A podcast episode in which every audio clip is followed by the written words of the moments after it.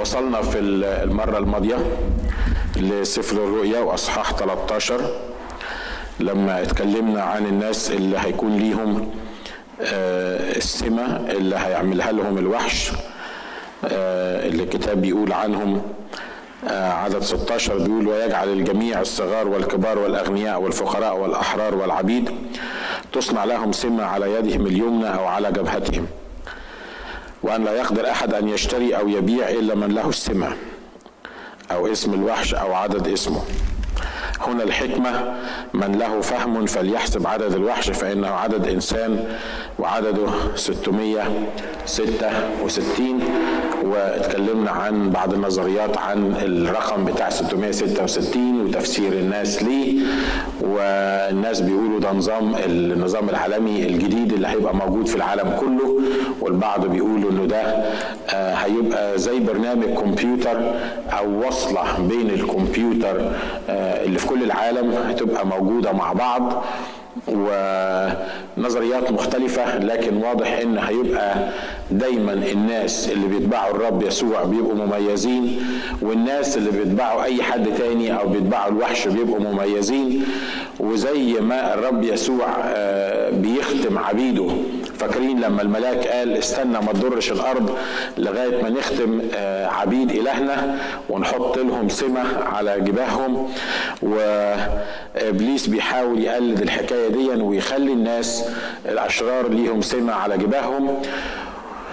وإحنا دايما وإحنا بندرس سفر الرؤيا بنقول إحنا بندرس سفر الرؤيا عشان نعظم الرب عشان نمجد الرب لأن الكنيسة مش هتكون موجودة هنا.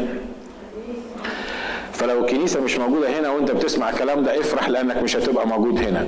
لو انت ناوي تبقى موجود هنا دي تبقى وقعتك انت بقى يعني تبقى مشكلتك انت. يبقى انت اللي تراجع حساباتك لألا اللي بيحصل ده يحصل في أيامك وفي حياتك على الأرض. وواضح إنك لو ما كنتش تقبل يسوع مخلص شخص لحياتك فاللي بيحصل كله اللي إحنا قريناه واللي هنقراه كله هيحصل في حياتك. والكتاب بيقول ويل للساكنين على الأرض.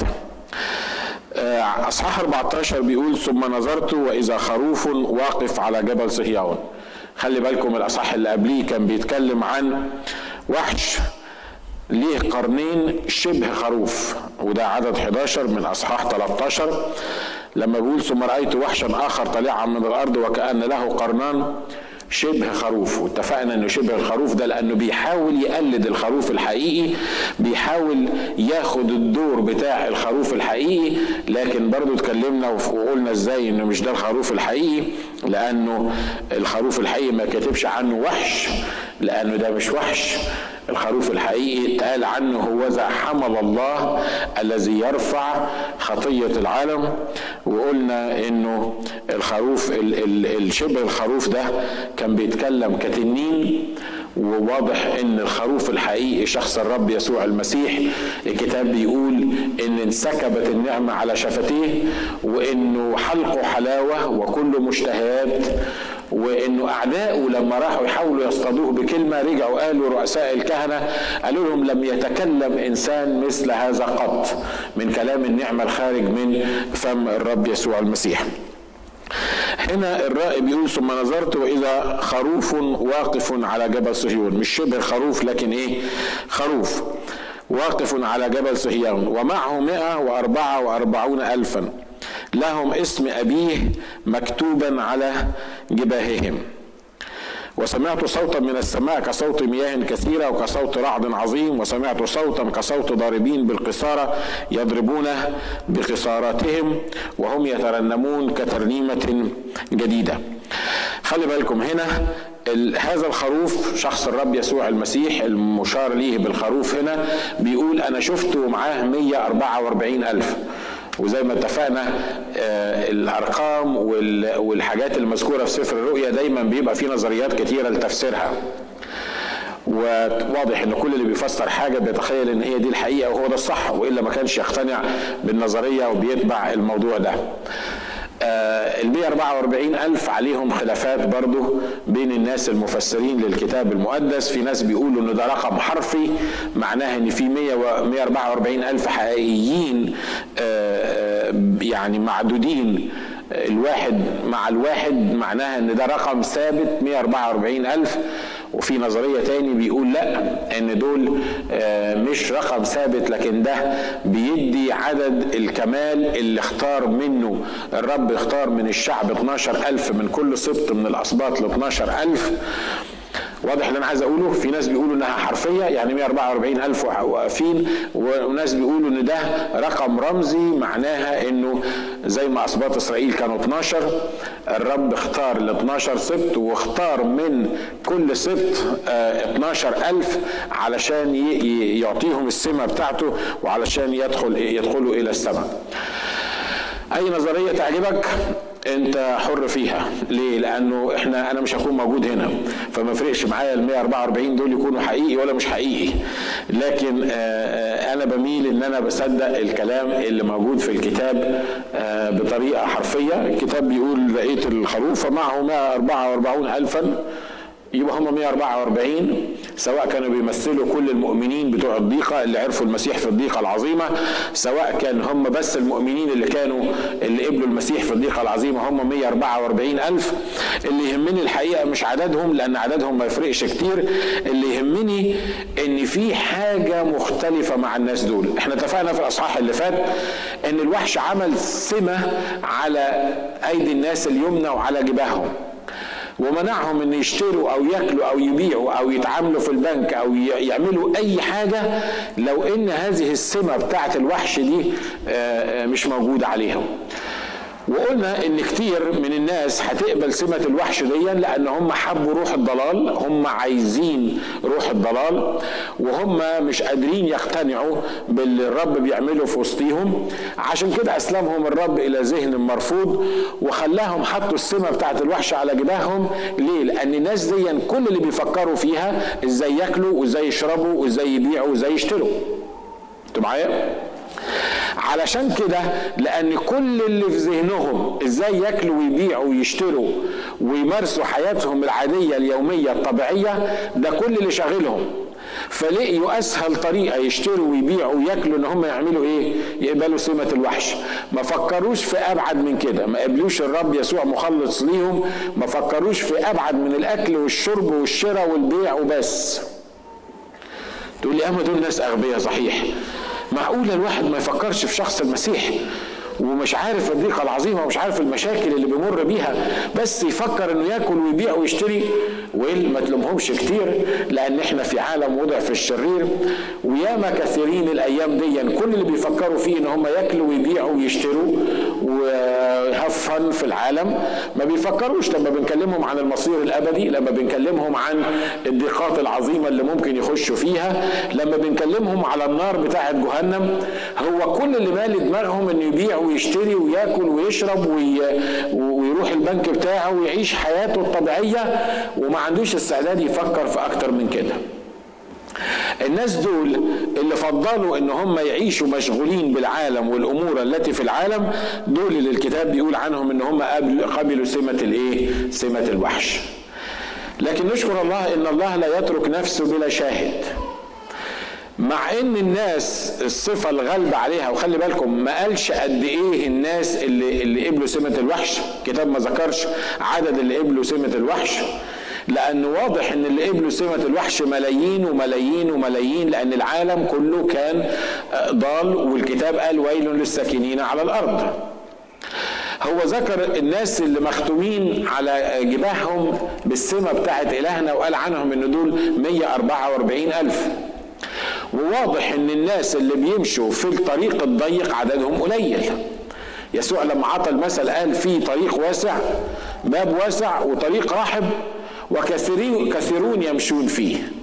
وطريق ضيق وباب ضيق وما أقرب الطريق اللي عدد اللي هيمشوا فيه عددهم قليل لكن الطريق الواسع بيودي إلى جهنم النار وبئس المصير زي ما بنقول والطريق الضيق بيودي إلى الأمجاد وإلى الحياة الأبدية السعيدة.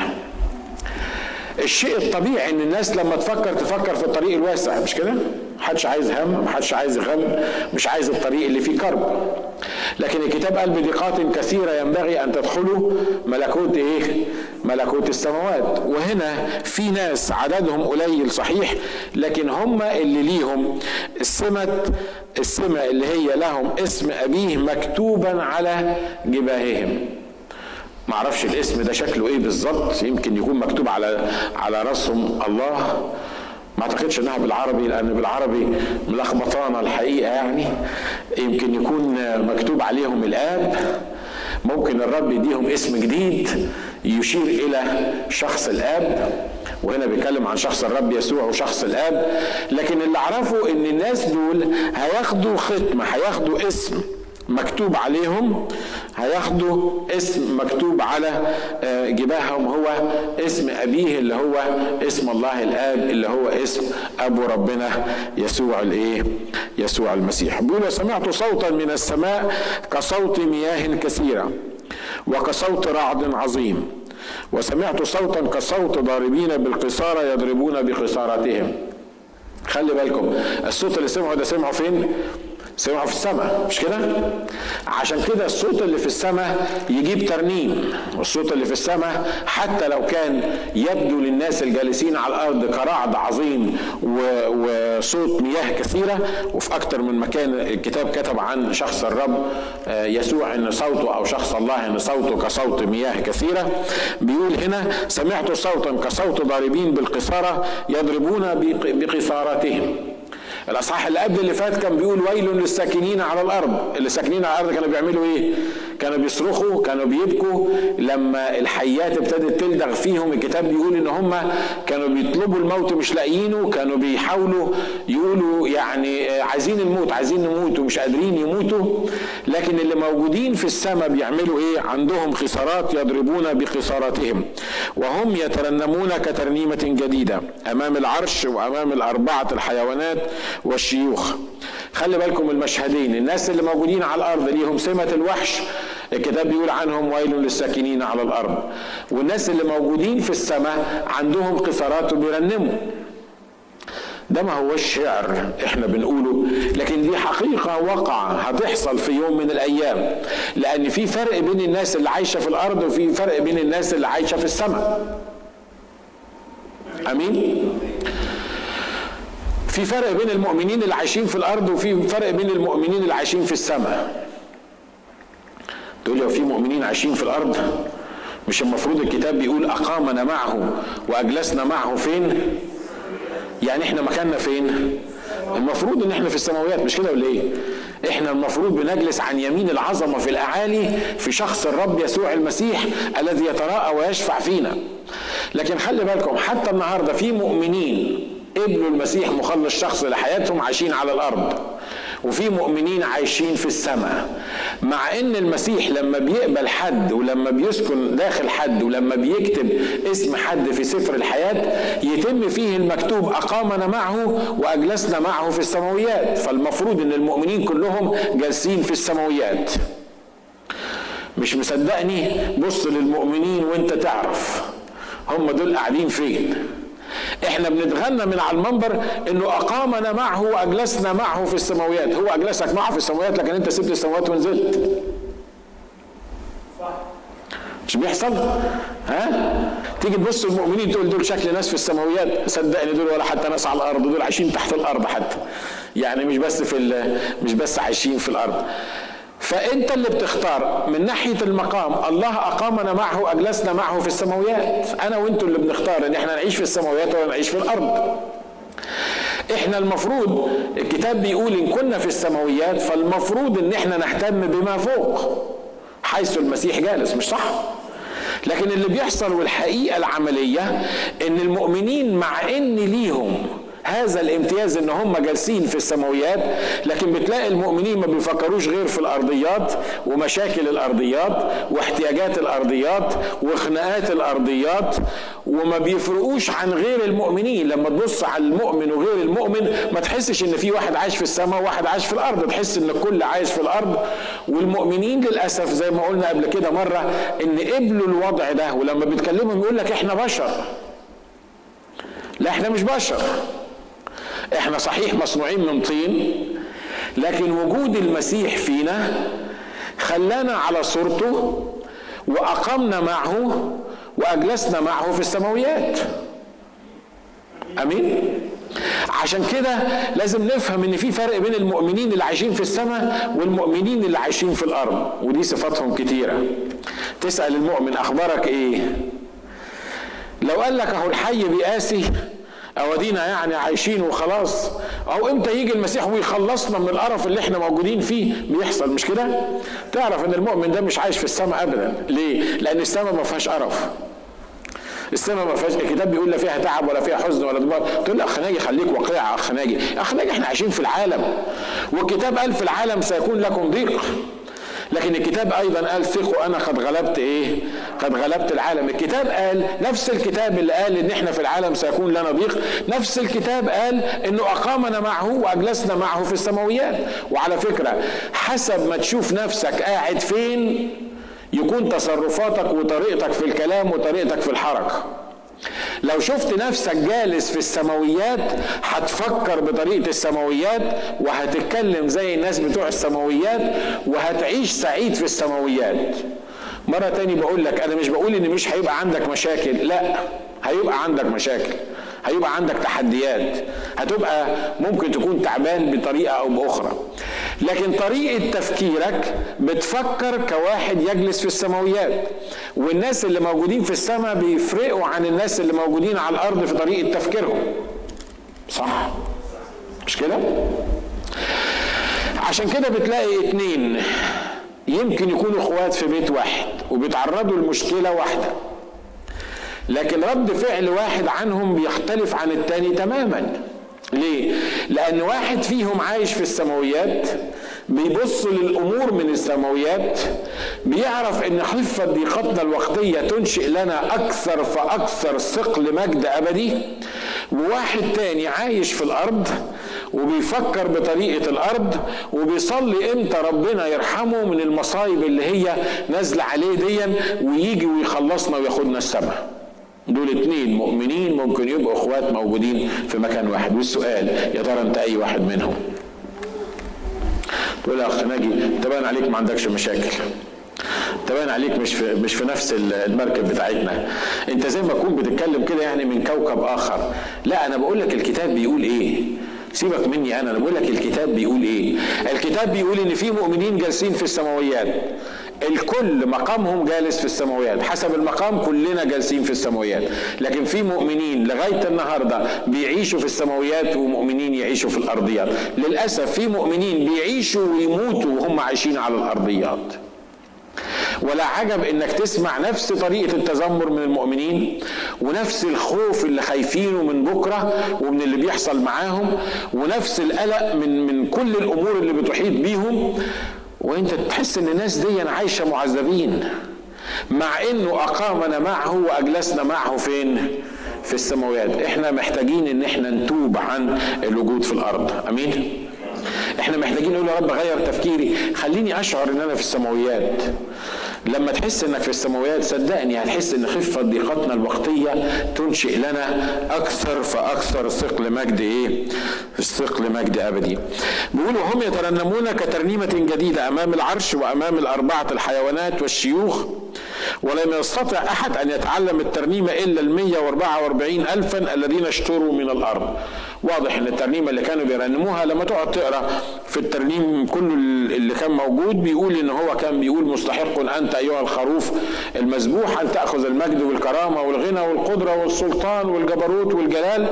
فواضح إن الناس دول بيرنموا بتعظيم وبتمجيد للرب. بيقول هنا إن محدش قدر يتعلم الترنيمة دي واضح إن الناس في ناس حاولوا يتعلموها. مش كده؟ لأن الكتاب هنا بيقول ما حدش قدر يتعلمها. معناها إن في ناس حاولت. صح؟ وإلا كانت doesn't ميك سنس إن هو يقول إن ما حدش قدر يتعلمها إلا إيه؟ الناس دول. فواضح إن في ناس كانت عايزة تتعلم الترنيمة دي. زي ما في ناس الأيام دي في الكنيسة بتعرف ترنم كويس قوي. تسمعها وهي بترنم. يا سلام تتعذب بشكل هو سمعه وهو بيرنم بيقول لك أنا لك ولغيرك لن أكون ولأجلك كل تضحية تهون. وهو ما بيقدرش يحط دولارين في العطا لأنه حاسس إن دي تضحية كبيرة مش قادر يعملها. أو لما حد يطلب منه شغلانة بسيطة حاسس إنه مش قادر يعملها. ولما بيجي يرنم بتسمعه وهو بيرنم بتحس إنه يا سلام على الصوت الملائكي اللي طالع من الناس اللي بترنم ديا. بيقولوا أكبر كذب بنكذبه إحنا في الكنيسة بنكذبه وإحنا بنرنم. صح؟ ها؟ أنشد نشيد الحرية والعتق من العبودية. يا راجل. يا راجل. انت حررك يسوع فعلا؟ الكتاب بيقول إن حررنا الابن فبالحقيقة نصير إيه؟ الله. أمال ليه بنشتكي من القيود والأسوار والتكبيلات والتربيطات ومش قادرين نتحرك ومش قادرين نعمل؟ وفي الكنيسة بنعمل إيه؟ بنقول حررني يسوع. يقول لي طب ده انت كان على الفلسفة بتاعتك دي مش هنرنم خالص لأن 90% من الترانيم ما بتنطبقش علينا. واحد زمان بيخد فرصة ترنيم قال يا جماعة اللي ما بينطبقش عليه الترنيمة دي ما يرنمش ما يقولش انشد نشيد الحرية ولا عتق من العبودية. قلت له ده انت خايب ده انت بالمنظر ده مفيش ثلاث إخوة هيرنموا الترنيمة دي هترنم لوحدك. خلي بالك انت مش مطلوب منك إنك ما ترنمهاش. المطلوب منك إنك ترنمها وتقول له يا رب أنا عايز المستوى ده. أنا عايز أوصل للمستوى ده. أنا برنمها أنا بعلن في الجو الروحي اللي أنا عايش فيه إن حررني يسوع. أنا بعلن إن إن الأسوار اللي حواليا سقطت أنا بعلن إن القيود اللي حواليا سقطت إبليس بيقول لك لو أنت مش متحرر ما ترنمش الترنيم دي. يقول له لا أنا هرنمها بطريقة نبوية هعلنها في الجو وهقول إن أنا حررني يسوع. ولما أقول إن أنا حررني يسوع بكل ثقة في شخص الرب يسوع ستسقط فعلا القيود وتسقط فعلا فعلا الأسوار من قدامي ويبقى حررني يسوع لأني إن حرركم الابن فبالحقيقة تصيرون إيه؟ تصيرون أحرار. الترنيمة الناس حبت تتعلمها. الترنيمة دي ما تتعلمش. ما تقدرش تتعلمها. في فرق بين إنك تتعلم ترنيمة بلسانك ترنيمة حلوة أنت بترنمها وفي فرق بين إن حياتي وحياتك تبقى ترنيمة حقيقية. حتى لو ما قلتهاش بلسانك أنت بتقولها بحياتك أنت بتقولها بعيشتك أنت بتقولها بتحركاتك أنت بتقولها بتصرفاتك. ياما ناس بتتعلم الترنيم والترنيم ممكن تتعلمه لحن لكن ما تقدرش تعيش فيه إلا إذا كانت حياتك من جوه حياتك ترنيمة. الترنيم هواش حاجة تقولها في الاجتماعات لكن الترنيمة الحقيقية هي حاجة تعيشها. أمين؟ هيا نفرح أمام الرب وهو بيرنم عامل كده. وهو قاعد في الاجتماع مكشر. يا عم ده انت بترنم هيا نفرح أمام الرب؟ ما تقول لنفسك طيب ما تبتسم ما, ما تفكها شوية. ما يعني يعني ابتسم ابتسم. وانت بترنم وانت بترنم افرح. عشان كده الناس دول لما حبوا يتعلموا الترنيمة ما عرفوش يتعلموها. ليه؟ لأن الناس دول ما هماش اللي مكتوب عليهم اسم أبو الرب يسوع المسيح. اسم أبيه مش هم الناس اللي مكتوبة على جباههم الاسم ده. الناس اللي ليهم الاسم ده واللي مكتوب على جباههم الاسم ده مش صعب عليهم إن هم يتعلموا الترنيمة أو أي ترنيمة. ليه؟ لأن حياتهم فايضة من جوه بالترنيم. يقدروا يقفوا من غير ما حد يعلمهم. يقولوا له مستحق أنت أيها الخروف المذبوح أن تأخذ المجد والكرامة والغنى والعظمة والسلطان. لكن الاسماء هم مش مكتوبة واللي ما لهمش الاسم اللي مكتوب عليهم اسم أبيه ده هيحاولوا يتعلموا الترنيمة. وزي ما قلت ياما ناس في الكنيسة بتحاول تتعلم الترنيم. جوه الكنيسة تلاقي ليه طريقة مختلفة تماما عن الكنيسة. تقول له إزيك؟ شلونك في الكنيسة؟ يقول لك نشكر الرب. يا سلام على الإكسبريشن الكتابي الرائع. نشكر الرب. اطلع على الباب وقول له شلونك.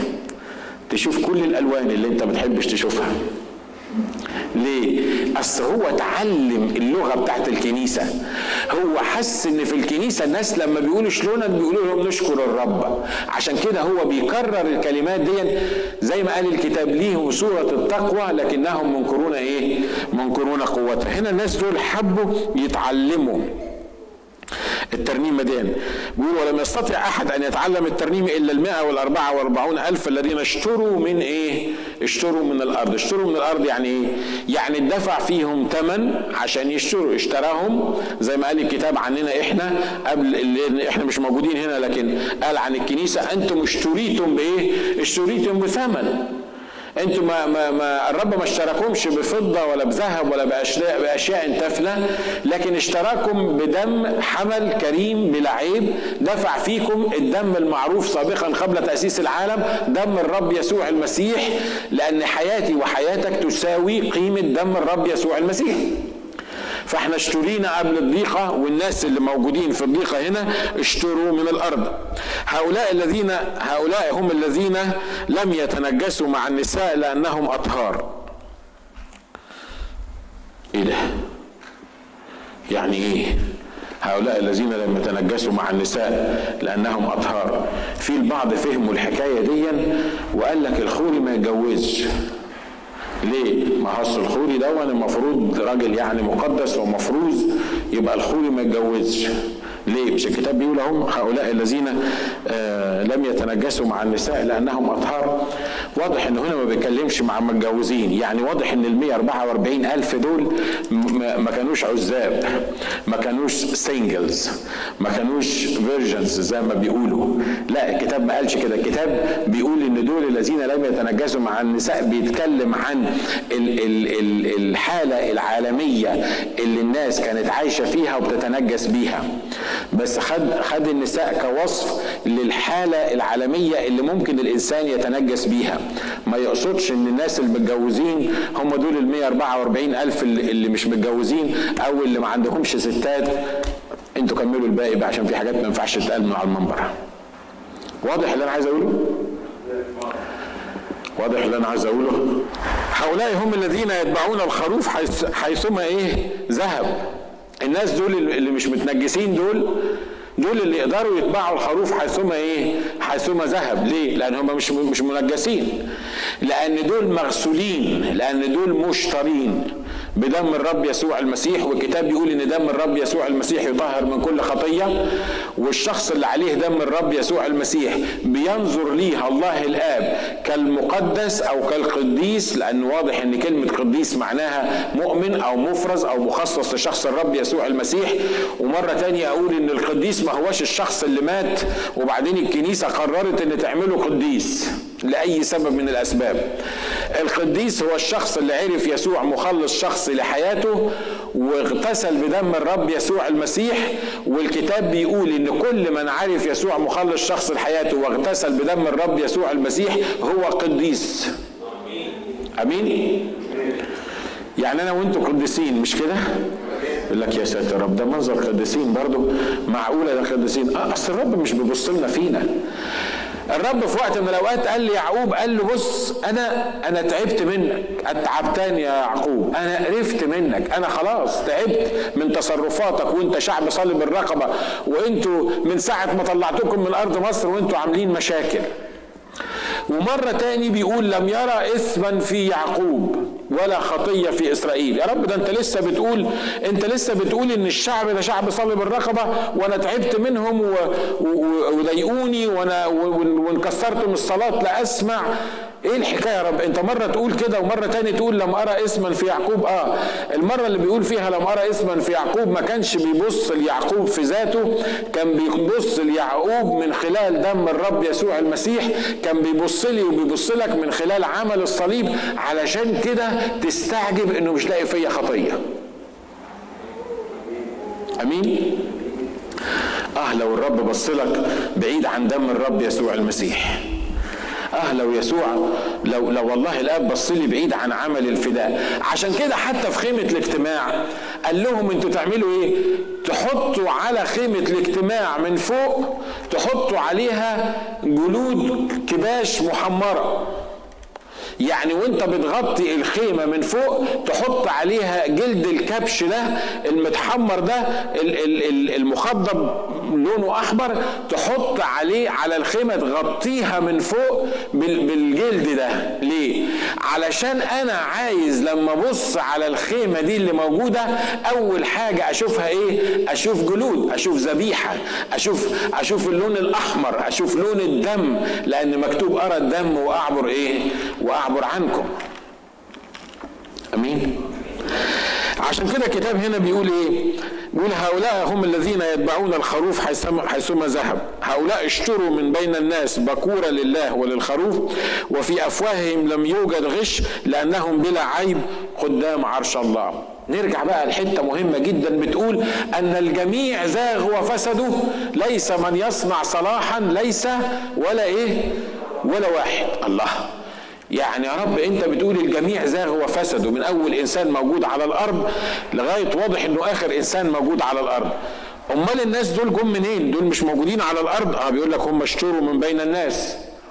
وكانوا موجودين على الأرض. آه عدد آه عدد ثلاثة بيقول الذين اشتروا من الأرض. طب يا رب ما أنت لسه بتقول أن الجميع زاغ وفسدوا ليس من يصنع صلاحا ليس ولا واحد. أمال الناس دي جت منين؟ اللي هم الأطهار واللي اشتروا من بين الناس بكورة لله وفي أفواههم لم يوجد غش وهم بلا عيب. في حد ينطبق عليه الصفات دي إنه بلا عيب؟ ما فيهوش عيب. واضح إن مفيش ولا واحد في الأرض ينطبق عليه الصفات دي. أمال حل اللغز ده إزاي؟ آه عارف حل اللغز ده هو إيه؟ في كلمة اشتروا. في كلمة اشتروا. لأن الله زي ما قلنا اشترانا لما يسوع دفع ثمن موتنا وقيامتنا في شخصه الله الآب بيبص لنا من خلال الرب يسوع المسيح فلا يرى عيب فيا ولا فيك. لا دي عايزة حد يقول هللويا آمين أي حاجة إلا إذا ما كنتوش معايا يعني ده موضوع تاني. تصدق تصدق إن ربنا ما بيلاقيش فيك عيب؟ تصدق إن إن الله لما بيبص لك من خلال المسيح يقول لك لم أرى عيبا في ناجي؟ تقول له ما أنا عارف ما ناجي عارف نفسه هو ناجي هو, ناجي غريب عن ناجي. ما ناجي عارف إن هو كله عيوب. ما فلان عارف إن كل خطايا. يقول لك لا أنا لما ببص لك ما ببصلكش في ذاتك. أنا مش ببص لك واحد كده منفصل عن عن عن قضية الصليب. أنا لما ببص لك ببص لك في شخص الرب يسوع المسيح. عشان كده لما ببص لك من فوق أنا ما بشوفكش أنت. لأن الكتاب بيقول إن إحنا موجودين في المسيح. أقامنا معه وأجلسنا معه في السماويات. إحنا في المسيح. إحنا إحنا مستترين في المسيح. عشان كده لما الله الآب بيبص لي وبيبص لك ما بيبصلكش أنت. ما بيبصليش أنا. بيبص لمين؟ بيبص لشخص الرب يسوع المسيح الذي لم يفعل خطية ولم يكن في فمه إيه؟ ولم يكن في فمه غش. عشان كده we are so lucky إن إحنا عرفنا يسوع مخلص شخص لحياتنا. إحنا استخبينا في المسيح. إن المسيح هو دلوقتي بقي فينا هو رجاء المجد. الكتاب بيقول البسوا المسيح. يعني إيه البسوا المسيح؟ يعني زي ما بتلبس البدلة أو تلبس الجلابية أو بتلبس أي حاجة يعني خش في المسيح يعني اختبي في المسيح يعني خليك في المسيح. عشان لما الله يبص لك يبص لك من خلال إيه؟ من خلال المسيح. يبقى الناس دول ما هماش ما كانش فيهم عيب وما كانش في أفواههم غش، لا دول الناس دول الحقيقي إن هم اشتروا بالدم الكريم ومن خلال عمل الرب يسوع المسيح لأجلهم دلوقتي الله بيشوفهم إن هم كاملين غير ناقصين في أي حاجة. شفت حل الكنيسة اللي إحنا موجودين فيها مش بكلم على الكنيسة المحلية الكنيسة العامة. تشوف الكنيسة العامة تقول يا ساتر هو ده اللي وصلت له الكنيسة بعد الزمن ده كله؟ ده الكنيسة عمالة تتأخر وترجع لورا. لكن الرب يسوع لما بيبص للكنيسة بيقول لك إنه بيجهز كنيسته عشان يحضرها لنفسه عذراء عفيفة بلا غضن وبلا عيب وبلا دنس ما فيهاش بقعة سودة.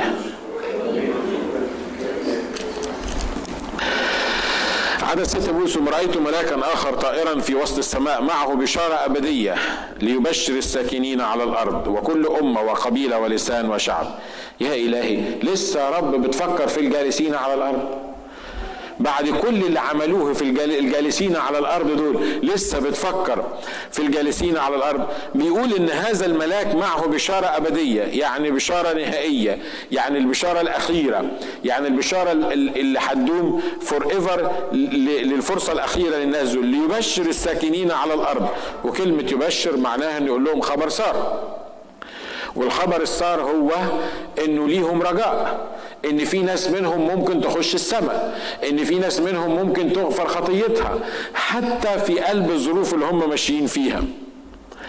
بيقول على الأرض وكل أمة وقبيلة ولسان وشعب. قائلا بصوت عظيم خافوا الله واعطوه مجدا لأنه قد جاءت ساعة دينونته واسجدوا لصانع السماء والأرض والبحر وينابيع المياه. واضح إن لما يقول للناس خاف الله معناها الناس ما بتخافش الله مش كده؟ ها؟ بيقول لهم خاف الله. بيقول لهم أعطوه مجدا. ليه؟ لأن خلي بالك في الوقت ده ما عندكش فرصة كتيرة. أنت عندك زمان يسير. يا إما تخاف الله وتعطيه مجدا يا إما أنت في ساعه دينونة الله. الله لا يشاء أن يهلك أحد بقالك خمسين مرة بتيجي الكنيسة وبتسمع الوعظة. وخمسين مرة سمعت أن الرب عايز يخلصك ويقبلك الابن ليه ويبقى مخلص شخص لحياتك. وكل مرة بتطلع من اجتماع يمكن أسوأ مما دخلت. لكن الناس دول بيقول لهم اسمعوا دي البشارة الأبدية دي إحنا جينا للنهاية دلوقتي. اللي هيحصل إيه؟ إن خاف الله واسجدوا لصانع السماء والأرض والبحر ونبيع المياه. لو ما كنتش هتخاف الله لو ما كنتش هتتجاوب immediately مع الرسالة اللي بيقولها المساء الملاك دي بيقول لك لأنه قد جاءت ساعة إيه؟ ساعة دينونته. أمين؟ واضح الفرق بين البشارتين البشارة اللي إحنا بنسمعها دلوقتي والبشارة بتاعت الملاك ده. الملاك بيقول لك خاف الله واسجد لصانع السماء والأرض والبحر. هتخاف ولا ما تخافش؟ لو مش هتخاف قد جاءت ساعة دينونته خلصت. إحنا النهارده وإحنا بنقدم البشارة الناس مش قادرة تصدق إن في حاجة هتحصل. مع إن الله بيقول لك أوعى تحسب إن إن إمهال الله ولطفه وطول أناته. أوعى تفكر إن الله متسيب لأن الله بكل ده عايز يقتادك إلى التوبة. لكن هيجي الوقت اللي تسمع فيه البشارة دي ومن أعظم ما في إلهنا إنه حتى في وسط ارتداد هذا الشعب حتى في وسط الجو المظلم اللي موجود في هذا الشعب الله بيدي فرصة تانية. والله بيدي لك فرصة تاني النهاردة وفرصة ثالثة وفرصة رابعة عشان تراجع نفسك عشان ما تطلعش من المكان زي ما دخلت. لأن الله عايز يستلم حياتك. لأنك مش ضامن الوقت بتاع الدينونة بتاعتك إمتى. تقول لي ما هو لسه بقى لما يحصل كل الكلام اللي أنت قلت عليه ده ويجي وقت الدينونة. لا وقت الدينونة بتاعك ممكن يكون النهارده لأنك ممكن تطلع على الباب تلاقي نفسك مش موجود تلاقي نفسك في الحياة الآخرة ولازم تواجه العذاب الأبدي عشان كده الله النهاردة بيقول لك اليوم اليوم يوم مقبول الوقت النهاردة إنك تسلم حياتك للمسيح امين آمين, أمين. الملاك عمل البشارة دي بيقول لهم اعملوا إيه؟ بيقول لهم قائلا بصوت عظيم. خاف الله وأعطوه مجدا لأنه قد جاءت ساعه دينونته واسجدوا لصانع السماء والأرض والبحر ونبيع المياه. ثم تبعه ملاك آخر قائلا خلي بالكم على طول ملاك بعد ملاك ملاك بعد ملاك على طول. ليه؟ لأن المسج خلاص بتوصل بسرعة لأن النهاية قربت. ثم تبعه ملاك آخر قائلا سقطت بابل المدينة العظيمة لأنها سقط جميع الأمم من خمر خمر غضب زناها. وبابل ليها نظريات كتيرة في الكتاب المقدس. مش بابل بتاعتكم بتاعت عراق لأن بابل بتاعت العراق سقطت من زمان ومش هيقوم ليها قائمة تاني. لكن هنا بيقول المفسرين بتوع الكتاب أن بابل هي النظام الكنسي الفاسد. الكنيسة اللي ما بتديش المجد لله. الكنيسة اللي بتركز على أي حد تاني غير المسيح واضح عايز أقول إيه؟ ها؟ بيقول سقطت بابل المدينة العظيمة بابل اللي, اللي, اللي كان المفروض إنها تبقى مرتفعة للسماء بابل اللي كان لازم تبقى منارة والناس كلها تقتدي بيها؟ الكتاب هنا بيقول لأنها سقط جميع الأمم من خمر غضب زناها. لما بيتكلم على الزنا هنا واضح إن لو بابل بيتكلم عنها هي مدينة يبقى ما فيهاش زنا. يعني الموضوع مش زنا مع مدينة أو مش زنا مع ناس موجودين في بابل. لكن الكتاب بيتكلم عن الزنا الروحي وهو البعد عن الله البعد عن قبول المسيح رفض قبول المسيح عبادة أي حد تاني مهما كان هذا الحد غير الرب يسوع المسيح الكتاب بيسميه زنا. أمين؟ واضح إن بابل كانت لسه مرتفعة في الضيقة العظيمة لسه بابل موجودة. الكنيسة الاسمية ولما بقول الكنيسة الاسمية اوعى دماغك يروح على اسم طائفة من الطوائف. أنا مش بتكلم على اسم طائفة من الطوائف لا. أنا بتكلم عن عن الناس اللي ليهم صورة التقوى النظام الكنسي الفاسد اللي ما بيوصلش الناس لشخص الرب يسوع. في في كل طائفة وفي كل كنيسة ولما بقول في كل طائفة وفي كل كنيسة بقصد كل طائفة وكل كنيسة. ما بقصدش كنيسة واحدة ولا طائفة واحدة. في في كل طائفة وفي كل كنيسة نظام كنسي فاسد بيحط الناس مكان الله بيحط القديسين مكان الله بيحط الصور مكان الله بيحط أي حاجة تاني غير شخص الرب يسوع المسيح وهو ده اللي الكتاب بيشهد عنه إن دي بابل اللي هيجي في يوم هذه الكنيسة المرتفعة اللي بتبان إن ليها صورة التقوى هي الكنيسة دي اللي هيحكم الله عليها بالسقوط والناس دول الناس غير المؤمنين أو النظام الكنسي اللي موجود في كل الطوائف بما فيهم الانجيليين بما فيهم الانجيليين حد زعلان من اللي أنا بقوله؟ ها؟ إحنا عمالين نسمع إن الرب عمال يصب غضبه على الساكنين على الأرض على الناس اللي مش بيمجدوه على الناس تفتكروا في الضيقه العظيمة هتكون الكنيسة موجودة ولا مش موجودة؟ مش بتكلم على كنيسة المؤمنين اللي اتخطفت. النظام الكنسي هيكون موجود ولا مش موجود؟ هيكون موجود. هيبقى في كنيسه في أسس إنجيليين في الضيقه العظيمة؟ هيبقى في أسس إنجيليين في الضيقه العظيمة صح؟ هيبقى في. هيبقى في شمامسة في الضيقه العظيمة؟ وهيبقى في كهنة في الضيقه العظيمة؟ وهيبقى في رتب ومش عايز اسمي الرتب عشان ما تخبطش في حد هيبقى في الرتب دي في الضيقة العظيمة. آه هتبقى موجودة.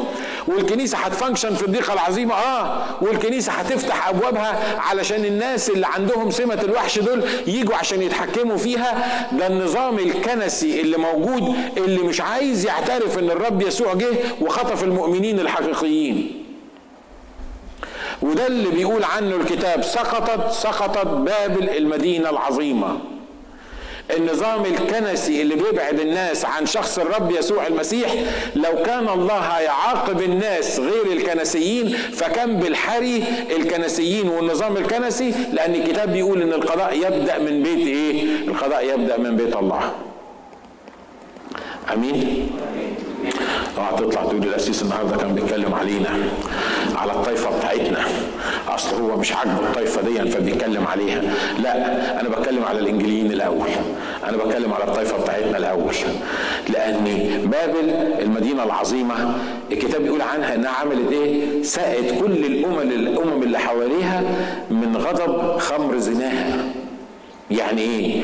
يعني لما أروح الكنيسة عشان أتقابل مع شخص الرب يسوع المسيح والقسيس حتى لو كان قسيس إنجيلي. حط لي 100 عقبه عشان أقابل شخص الرب يسوع المسيح وعشان عينيا ما تركزش على شخص يسوع المسيح وعلشان قلبي وتفكيري يبعد عن شخص يسوع المسيح لأي حاجة تاني في الكنيسة. الكنيسة دي كنيسة زانية والقسيس بتاعها قسيس زاني روحيا والنتيجة إن هيحكم عليها في يوم من الأيام أنها سقطت بابل المدينة العظيمة.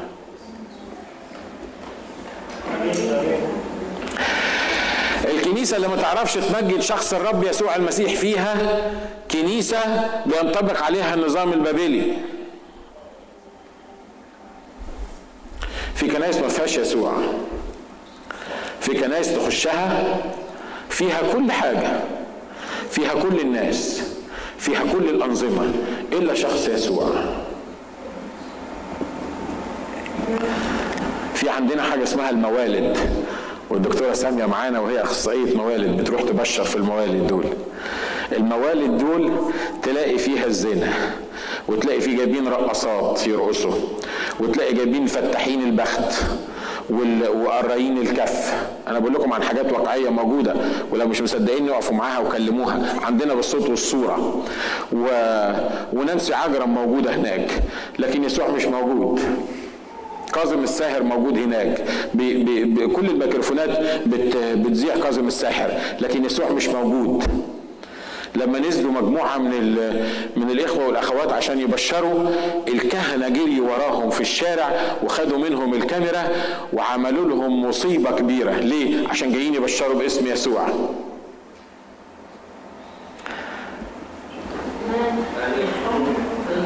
الكلام اللي أنا بقوله ده أنا مش بحكيه من على المنبر لكن دي حقيقة. وللأسف الناس دول الناس دول مش هيخطفوا مع الكنيسة الحقيقية نو ماتر وات الطائفه اللي هم موجودين منها. تفتكروا بعد ما الكنيسة الحقيقية تختطف الكنيسة الإسمية اللي موجودة هتلم حالها بقى ويقولوا إحنا عرفنا إن إحنا كنا غلطانين وتعالوا نقفل الكنائس؟ هيحصل الكلام ده؟ بالعكس. ده هم هيلاقوها فرصة سانحة إنه خلاص بقى ما هو اختلط الحابل بالنابل والريس بقي خمس رؤساء وال وال والقادة يكتروا والنظام والنظام يكتر. ليه؟ ال ال ال النظام البعد عن المسيح يكتر. لكن خلي بالك إن في يوم من الأيام الكتاب بيقول كده هتسمع الأرض الكلمات دي وتقول سقطت بابل المدينة العظيمة ليه؟ لأنها سقط جميع الأمم من خمر غضب غناها، إيه حكاية خمر غضب زناها دي؟ عارف أنت عارف اللي بيشرب خمره يبقى ما عندوش مخ مش كده؟ يشرب خمرة لما بيسكر بيبقى عامل زي البسة ويمشي في الشارع يقول أنا جدع وهو فاكر إن هو جدع وهو لا جدع ولا حاجة لأنه لو جدع كان عرف يملك نفسه مش كده؟ لأن ملك نفسه خير من ملك مدينة من يملك مدينة. والكنيسة خلت الناس بقيوا زي السكرانين. النظام بتاع بابل ده خلت الناس بقيوا زي السكرانين. يقول لك الملاك ميخائيل شاف البنت كانت عيانة وكتبنا لها ورقة والملاك شفاها. يا عم أنت فين مخك؟ هو الملاك بيشفي؟ هو هي دي محتاجة محتاجة يعني آه، آه، مفهومية. الملاك ممكن يشفي يشفي بنتك. لما الملاك ما بيقدرش يتحرك الكتاب بيقول عنهم إن هم أرواح خادمه للقديسين اللي هو أنا وأنتم لما الملاك ما قدرش يروح يبشر واحد ربنا بعته يقول لبطرس روح بشر واحد وأكلمه بالكلام عشان يخلص. الملاك ما يقدرش يعمل لما لما اتخانق مع على جسد موسى لم يجرؤ أن يصدر حكم افتراء ما قدرش يتكلم ولا ولا يقول كلمة. ليه؟ لأن الملاك ما, ما يقدرش يعمل الحاجات دي في العالم بتاع الإنسان إلا لما الرب يقول له. تقول للناس هو الملاك مخيل بيشفي؟ يقول لك آه بيشفي. جه بالليل وشاف البنت وهي نايمة. طب ده انت ما عرفتش أكتر من كده. ده في واحد جه راكب حصان والتاني جه مش عارف راكب إيه. أنا مش بتريق على حد لكن أنا بقول لك على اللي الناس بتقوله. يقول لك شفته. أنا شفته راكب حصان ودخل بيتنا ولمس البنت وشفيت. عشان كده بيعمل فطير للملاك و... وبسبوسة للمش عارف مين و... للناس دول. الناس دي مخخه فين؟ الناس دي مش عارفة إن الشافي هو شخص الرب يسوع المسيح. الناس دول الناس دول بيفكروا إزاي في الأمور؟ ما بيفكروش. الناس دول سكرانين. ليه؟ لأن الكنيسة سكرتهم. لأن الكنيسة خدعتهم بالشكل وبالمظاهر وبالأمور الكنسية. الناس بقيوا مغيبين بيجوا على الكنيسة. مش بتكلم بس على الكنائس اللي مخك فيها أنا بتكلم حتى على بعض الكنائس الإنجيلية. لما تروح وتقعد في الكنيسة وما تسمعش إلا قصص وما تسمعش تحدي وما تسمعش آه، حاجة تطلعك لقدام الناس بقيوا يتعودوا إن يجوا الكنيسة. زي السكران اللي بيخش يشرب وياخد بعضه ويمشي ومستني الأسبوع الجاي عشان يشرب وبعدين ياخد بعضه ويمشي ما بيطلعش لقدام حركة واحدة. بيحصل. خلي بالك في يوم من الأيام هذا النظام سيسقط. سيسقط. ليه؟ لأن الرب يسوع بيقول له ليتك كنت حارا أو باردا. أنت بتلعب كنيسة. لا أنت سخن ولا أنت بارد. لو أنت بارد كنا عرفنا أنك بارد. لو انت سخن كنا قبلناك على انك سخن لكن لانك لست حارا ولا باردا أنا هعمل إيه؟ أنا مزمع ان اتقيأك من فمي انت وجعت معدتي. ولو كلمة لك يعني انت في سرك. خلي بالك إن لما كنتش عايش صح مع الرب يسوع وما كنتش شخص حار في الروح كنت بس مجرد واحد من اللي بيجي يقعدوا على الكراسي تاخد بعضك وتمشي انت وجعت معدة الرب. آمين. في حالة هو القسيس نازل فينا النهارده كده ليه؟ لا أنا مش نازل فيك. أنا أنا نازل في في بابل المدينة العظيمة. آخد كمان خمس دقائق ثم تبعها ملاك ثالث قائلا بصوت عظيم. إن كان أحد يسجد للوحش ولصورته ويقبل سمته على جبهته أو على يده فهو أيضا سيشرب من خمر غضب الله المصبوب صرفا في كأس غضبه ويعذب بنار وكبريت أمام الملائكة القديسين وأمام الخروف. ويصعد دخان عذابهم إلى أبد الآبدين. ولا تكون راحة نهارا وليلا للذين يسجدون للوحش ولصورته ولكل من يقبل سمة اسمه. هنا صبر القديسين الذين يحفظون وصايا الله وإيمان إيه؟ يسوع. اللي يسجد للوحش ولصورته ويقبل سمته على جبهته أو على يده فهو أيضا سيشرب من خمر غضب الله المصبوب صرفا. عارف صرفا دي يعني إيه؟ يعني الكاس ما فيهوش غير غضب. عارف الخمرة الصرف دي ال ال كلمة صرفا دي معناها يعني يعني السمالة زي ما بيقولوا باللغة العربية لو كنت فاهم أصلا الأولانية عشان تفهم الثانية أو يعني الخمر المركز ال ال الخمر اللي كله خمر الغضب اللي كله غضب. وكتاب هنا بيقول ويعذب بنار وكبريت أمام الملائكة القديسين وأمام الإيه؟ الخروف. تقول لي لا ده ربنا ده يسوع طويل الروح وكثير الرحمة ده يسوع رحيم ده ربنا رحمن رحيم. أيوه ربنا رحمن ورحيم دلوقتي لكن لما ترفضه وتقبل سمة الوحش وعلى فكرة أنا مش بتكلم عن الناس بس اللي في الضيقة العظيمة إحنا قلنا المرة اللي فاتت إن في ناس قابلة سمة الوحش من النهاردة. من الكنسية اللي بيجوا اللي بيجوا الكنيسة قابلين إن هم يعبدوا الوحش. الكتاب هنا بيقول سيعذب أمام الملائكة القديسين وأمام إيه؟ أمام الخروف. يعني الرب يسوع هيشوفهم وهم بيصعد دخان عذابهم. يبقى فين الرحمة بتاعته؟ الوقت ده مش وقت رحمة. وقت الرحمة النهارده في الوقت المقبول في اليوم المقبول النهارده. الوقت وقت الخلاص. لكن في الوقت ده مفيش رحمة وفي حاجة مهمة كمان. ويصعد دخان عذابهم إلى أبد الآبدين. ولا تكون راحة نهارا ولا ليلا. أمال بيقولوا لنا الواحد ممكن يروح جهنم. وبعد شوية تدفع لي قرشين ولا تدفع لواحد من من من مش عارف أقول منين قرشين يذكر لك اسم أبوك في الاجتماع وخمس ست مرات وعلى قد ما تدفع يقعد في جهنم وبعدين ياخد بعضه ويطلع من جهنم يروح السماء. جابوها منين الحكاية دي؟ الكتاب هنا بيقول يصعد دخان عذابهم إلى أبد الإيه؟ يعني العذاب الأبدي ما هوش مؤقت. يعني العذاب الابدي ما هوش هيتحرق زي ما بعض الناس بيقولوا ان هيتحرق في جهنم ويطلع. ما خلاص اتحرق وخلصنا انتهت. ما فيش الروح مش هتفضل بعد كده. هو هيخش بيتحرق ياخد له 10 دقايق ياخد له ربع ساعة كل واحد وحجمه. بس المهم لما يتحرق هيخلص وخلصت. يبقى خلاص ما فيش حاجة اسمها حياة بعد الروح. ما فيش حاجة اسمها خلود بعد الروح. الكتاب ما ذكرش إن في حاجة اسمها مطهر. معايا؟ نظرية المطهر ليست نظرية كتابية. نظرية المطهر دي ستسقط مع بابل المدينة العظيمة اللي غيبت الناس. نظرية المطهر هي إنك لما لما تموت تروح تتعذب شوية بالحاجات اللي أنت كنت تعملها وبعد كده لما تتطهر من خطاياك يروحوا مطلعينك بعد كده. ليه؟ لأن إحنا هنفضل نعمل لك أدعية وهنعمل لك اجتماعات وهنذكرك في, اجتماعاتنا. وكل ما نذكرك أكتر كل ما ربنا يسرع بسرعة الوقت اللي أنت هتقعده. وعلى قد ما تدفع إحنا هنذكرك. وعلى قد ما نذكرك ربنا هيسرع الوقت وتقعد شوية وبعدين ربنا يطلعك. الكلام ده كذب. الكلام ده مش موجود. الكلام ده ده نظام الزنا الروحي. لأن اللي بيزيد كلمة في الكتاب هنا بيزيد عليه الرب الضربات. اوعى تصلي لأبوك بعد ما مات لأن أبوك لو راح جهنم مش هيطلع. أمك لو راحت العذاب الأبدي لما تدفع لها 2 مليون دولار مش هتطلع.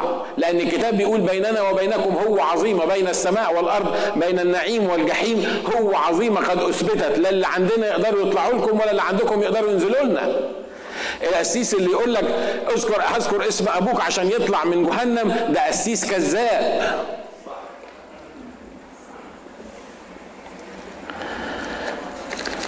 حد زعلان من اللي أنا بقوله؟ شفتوا المسيحية وصلت لدرجة إيه؟ يسوع واقف بيقول تعالوا إلي وأنا أريحكم. وغيره بيقول من وراه يقول له ما يهمكش حتى لو رحت جهنم هنصلي لك وهتطلع. أروح ليسوع اعمل إيه إيه بقى ما دام خلينا أنا اعيش في العالم وأعيش كويس وأعيش مبسوط وفرحان وعلى مزاجي وأعمل اللي أنا عايزه. وبعدين حاسب لي قرشين اللي أنا عملتهم أصلا من الليكر ستور الحرام اللي بعت فيه الخمرة. يروح يدفعوا له علشان يصلي عشان يطلع يطلع أبويا من جهنم. It's sad. الساد إنك أنت حاجة محزنة إنك تشوف المسيحية اللي مبنية على نحن نحبه لأنها هو أحبنا اولا.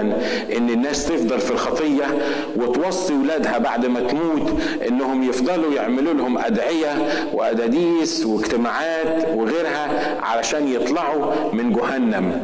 مش هيطلع من جهنم لأنه اللي راح جهنم ما يقدرش يروح السماء واللي راح السماء ما يقدرش يروح جهنم. وبين دي وبين دي هو قد أثبتت. أنا بصلي إن ربنا يفتح عينين الناس اللي لسه عايشة في الظلام ولسه عايشة في الخمر لأن في يوم من الأيام هتسمع الصوت كده إنه هتتعذب إلى أبد الآبدين. ويصعد دخان عذابهم إلى أبد الآبدين. شهود يهوى بيقولوا لا مفيش حاجة اسمها أبد الآبدين. بيقول لك هتتحرق وخلصنا. كل الناس هتتحرق وخلصنا. لا ده أنت هتتحرق وبعدين تتحرق وبعد شوية كمان تتحرق. وتفضل تتحرق إلى أبد الأبدين. أنا مش أنا اللي بقول الكلام ده مش الكتاب بيقول كده؟ ويصعد دخان عذابهم إلى إيه؟ إلى أبد الأبدين. ولا تكون حتى مش بس حريقه هتخلص ده ولا تكون راحة. يعني ناس بتتحرق على طول ليل ونهار بيقول ولا تكون راحة نهارا وليلا للذين يسجدون للوحش ولصورته ولكل من يقبل سمة اسمه.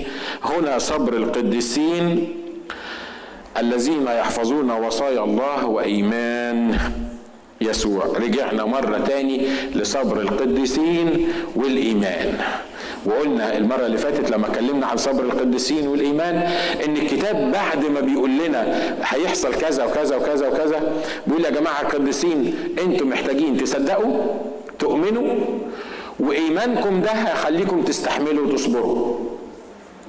آمين. ده صبر القديسين وإيه؟ وإيمانهم. ليه؟ لأن الكتاب بيقول هنا بيقول في ناس هتفرح إلى أبد الأبدين هيتعلموا ترنيمة جديدة هيكونوا موجودين معاهم قصارات ناس بتعزف ناس بترنم ناس بتهلل ناس فرحانة.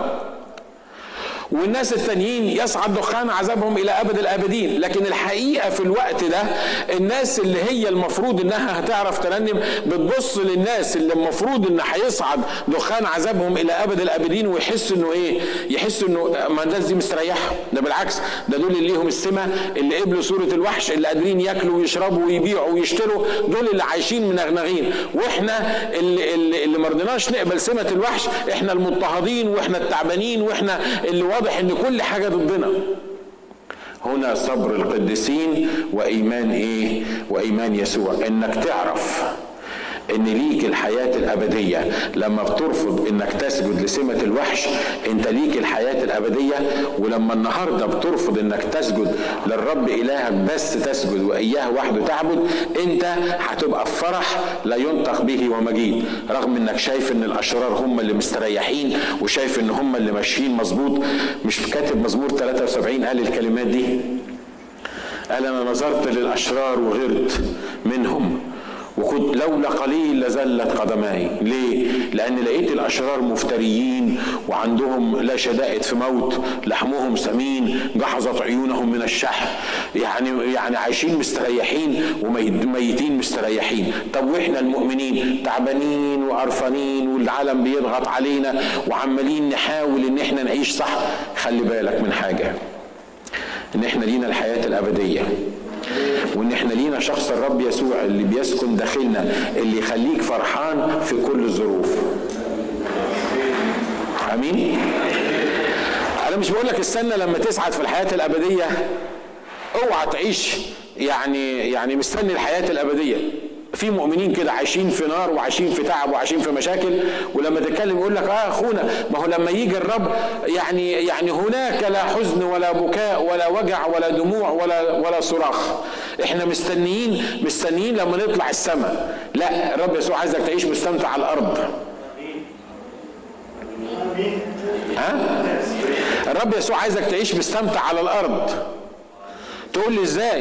يعني المشاكل هتخلص؟ لا. طب والاحتياجات والاحتياجات يمكن تزيد والضغوط من كل ناحية موجودة. أمال يسوع عايزنا نستمتع إزاي على الأرض؟ يبقى أنا لازم أستنى لما أروح السماء. ما أنت كده كده حبيبي مستني ولا مش مستني لما تروح السماء؟ مش هيبقى فيه صراخ ولا دموع ولا كلام من ده. لكن الرب يسوع عايزك تعيش مستمتع من على الأرض. تقول لي إزاي؟ عايز أقول لك المكان اللي فيه شخص الرب يسوع المسيح يبقى مضمون ومحفوظ وبروتكتد والناس اللي فيه مستمتعين. صح؟ صح الكلام ده. عشان كده مرة تاني ونختم بالموضوع ده. مرة تاني بيبان مؤمن مع إنه أقامنا معه وأجلسنا معه في السماوات لكن واحد دايما عايش في همه ودايما عايش في غمه ويقول لك من ساعة ما اتجوزت ما ضحكتش ولا مرة ومن ساعة ما اتولدت وأنا محكوم عليا مش عارف بمين. ما شفتش يوم حلو في حياتي. وأنت إيه؟ خلصت وعرفت يسوع مخلص شخص لحياتك؟ ولا حتى اليوم اللي عرفت فيه يسوع مخلص شخص لحياتك ما كانش يوم حلو في حياتك؟ في ناس لسان حالهم كده صدقوني. مش كده؟ ها؟ في ناس لسان حالهم مؤمنين؟ آه مؤمنين. عرفوا يسوع مخلص شخص آه رايحين السماء رايحين السماء. أمال عايشين في الحزن والطين ليه اللي هم عايشين فيه؟ ببساطة لأن هم اللي بيحيوا يسوع لا يحيا فيهم. لكن لو تم فينا المكتوب إن أحيا لا أنا بل يسوع يحيا فيا بل المسيح يحيا فيا تكون النتيجة أنا هعيش فرحان. عندي مشاكل؟ آه لكن فرحان. شفت واحد أهبل يكون عنده مشاكل لكن فرحان؟ أنا. لو ما شفتش حد أنا. وأنت؟ وأنا عارف إن ده اختبار كتيرين مش كده ولا إيه؟ ويمكن هو نفس الشخص ده ما يكونش عنده المشاكل ويبقى مكتئب وحالته بلا. الفرق بين الاثنين إيه؟ ما هو نفس الشخص. لما كان عنده مشاكل كنت تحس إنه فرحان. لما ما عندوش مشاكل دلوقتي ممكن تلاقيه مكتئب. عارف اللي بيفرق مش المشاكل. اللي بيفرق يسوع في القلب ولا لأ؟ يسوع بيحيا في القلب ولا لأ؟ أنت عايش مع يسوع ولا لأ؟ الناس دول بيقول لك بيتبعون يسوع مطرح ما يروح. ما تخافش يسوع مش هيروح حتة وحشة. ولما تتبعه لا تمكث في ظلمة لأن هو النور الحقيقي. عشان كده يا جماعة إحنا محتاجين نستمتع على الأرض. لو الرب عطلك خدمة لازم تستمتع بيها.